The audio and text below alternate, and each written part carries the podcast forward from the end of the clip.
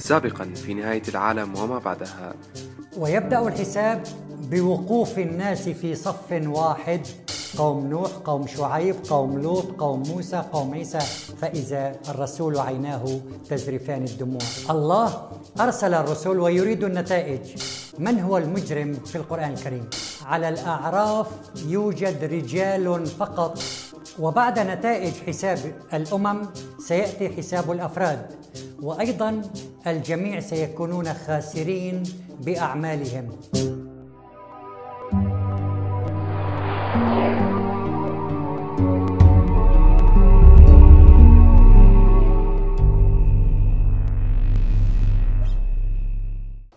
وحساب الأفراد سوف يقسم الناس إلى مجموعة من الأفواج.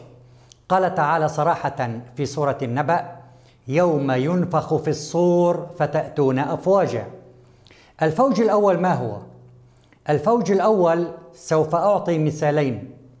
أول مثال هم الأطفال الصغار الذين أدركهم الموت ولم ولم يصلوا إلى مرحلة وعي الحياة أو وعي الأديان أو وعي المجتمع. أو الأطفال الذين أدركهم الموت قبل سن البلوغ وسن التكليف. الصنف الآخر هم الأشخاص الذين لم تصلهم الرسالات. مثال حتى في عصرنا الحالي الذين يعيشون في مجاهل أفريقيا وفي الغابات ولم يسمعوا بأي دين سماوي. هذا الفوج قال تعالى عنه وآخرون مرجون لأمر الله. إما يعذبهم وإما يتوب عليهم. والله عليم حكيم. اذا علم الله وحكمته هي الكفيلة بحساب هذا الفوج من الناس. الفوج الآخر من الناس هم أهل الكتاب. من هم أهل الكتاب؟ هم كل مجموعة من الناس جاءتهم رسالة سماوية وجاءهم رسول من الله. يعتقد البعض أن أهل الكتاب لن يحاسبوا متزرعا بقوله تعالى ومن يبتغي غير الإسلام دينا فلن يقبل منه وهو في الآخرة من الخاسرين.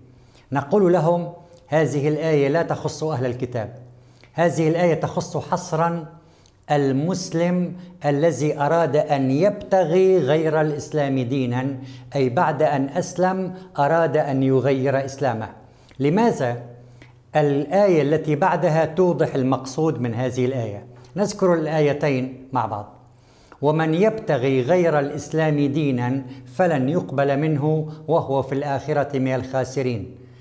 كيف يهدي الله قوما؟ كفروا بعد إيمانهم وشهدوا أن الرسول حق.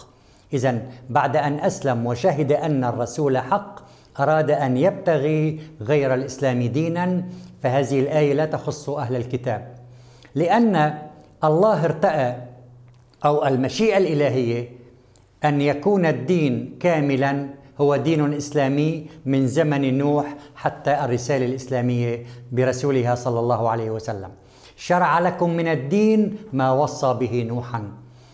سحرة فرعون ربنا أفرغ علينا صبرا وتوفنا مسلمين. حتى فرعون ذاته حينما أدركه الغرق قال آمنت أنه لا إله إلا الذي آمنت به بني إسرا... بنو إسرائيل وأنا من المسلمين. بلقيس تقول وأسلمت مع سليمان لله رب العالمين. الحواريون مع عيسى عليه السلام.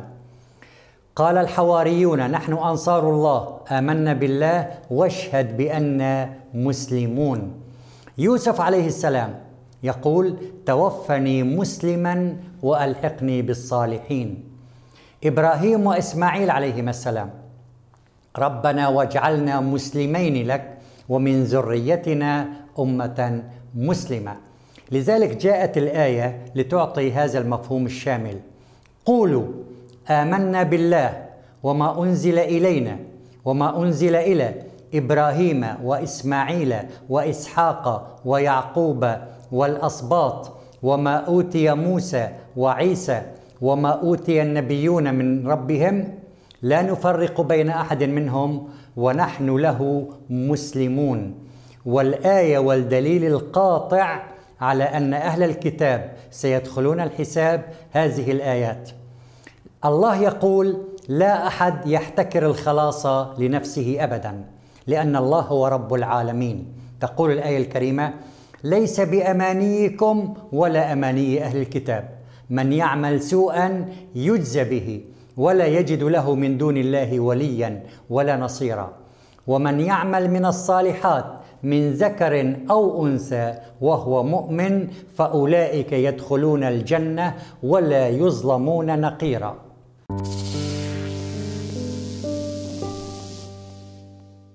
والفوج الآخر من الناس هم الذين سيحاسبون حسابا يسيرا. هؤلاء الفئة من الناس هم كل إنسان سيأخذ كتابه بيمينه. قال تعالى فأما من أوتي كتابه بيمينه فسوف. يحاسب حسابا يسيرا وينقلب إلى أهله مسرورا. تقول السيدة عائشة رضي الله عنها أن النبي صلى الله عليه وسلم قال من حوسب عذب. فتقول السيدة عائشة أوليس الله يقول فسوف يحاسب حسابا يسيرا؟ فقال صلى الله عليه وسلم فإنما ذلك العرض أي عرض الأعمال بشكل سريع.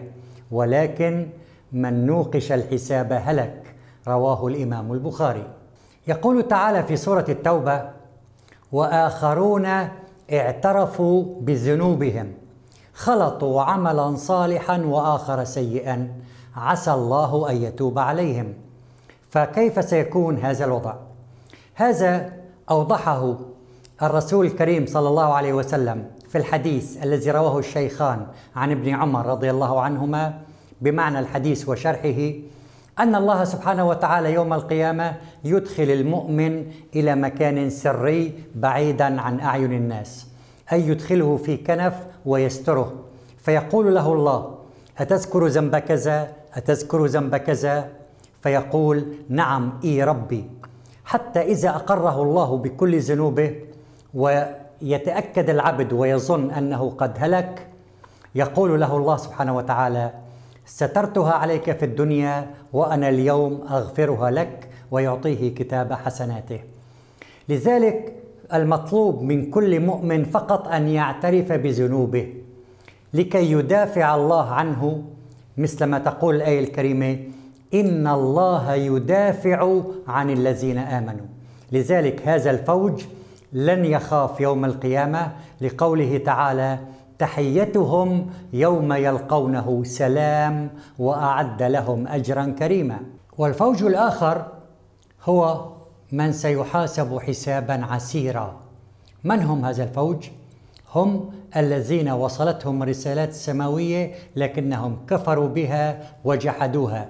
قال تعالى يومئذ يود الذين كفروا وعصوا الرسول لو تسوى بهم الأرض ولا يكتمون الله حديثا. لذلك الكافر سينكر بلسانه كل ما جاء به من ذنوب في هذه الحياة الدنيا. ما هو الحل؟ قال تعالى في سورة ياسين اليوم نختم على أفواههم وتكلمنا أيديهم وتشهد أرجلهم بما كانوا يكسبون. يزداد التأزم ويزداد الحرج عند الكافر؟ قال تعالى عنهم وقالوا لجلودهم لما شهدتم علينا؟ قالوا أنطقنا الله الذي أنطق كل شيء.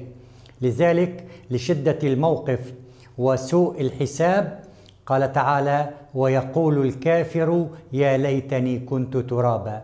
ولو ترى إذ المجرمون ناكسو رؤوسهم عند ربهم. ما هو السبب؟ لأن هذا النوع من الكفار هو من أنكر الحساب ومن أنكر البعث. يقول تعالى على لسانهم أإذا متنا وكنا ترابا وعظاما أئنا لمدينون؟ وكلمة مدينون هنا بمعنى محاسبون. قال تعالى يومئذ يوفيهم الله دينهم الحق. أي حسابهم الحقيقي بشكل عادل. وتقول الآية الأخرى وإن الدين لواقع أي الحساب حاصل لا محالة فيه. لذلك هؤلاء المنكرون الحساب سوف يتفاجؤون بهذا الحساب. ومنه قوله تعالى مالك يوم الدين أي مالك يوم الحساب. ويقول الحديث الشريف صلى الله عليه وسلم الكيس من دان نفسه أي حاسب نفسه.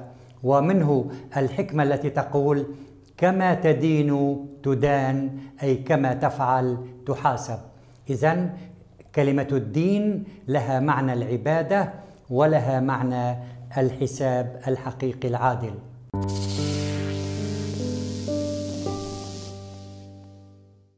وكل ما ذكرناه حتى هذه اللحظة من حساب الأمم وحساب الأفراد لا يحدد مراتب الإنسان سواء في الجنة أو في النار. فلا بد من وزن أعمال الإنسان من أجل تحديد هذه المراتب. وهذا الوزن سيتم بطريقة علمية فيزيائية.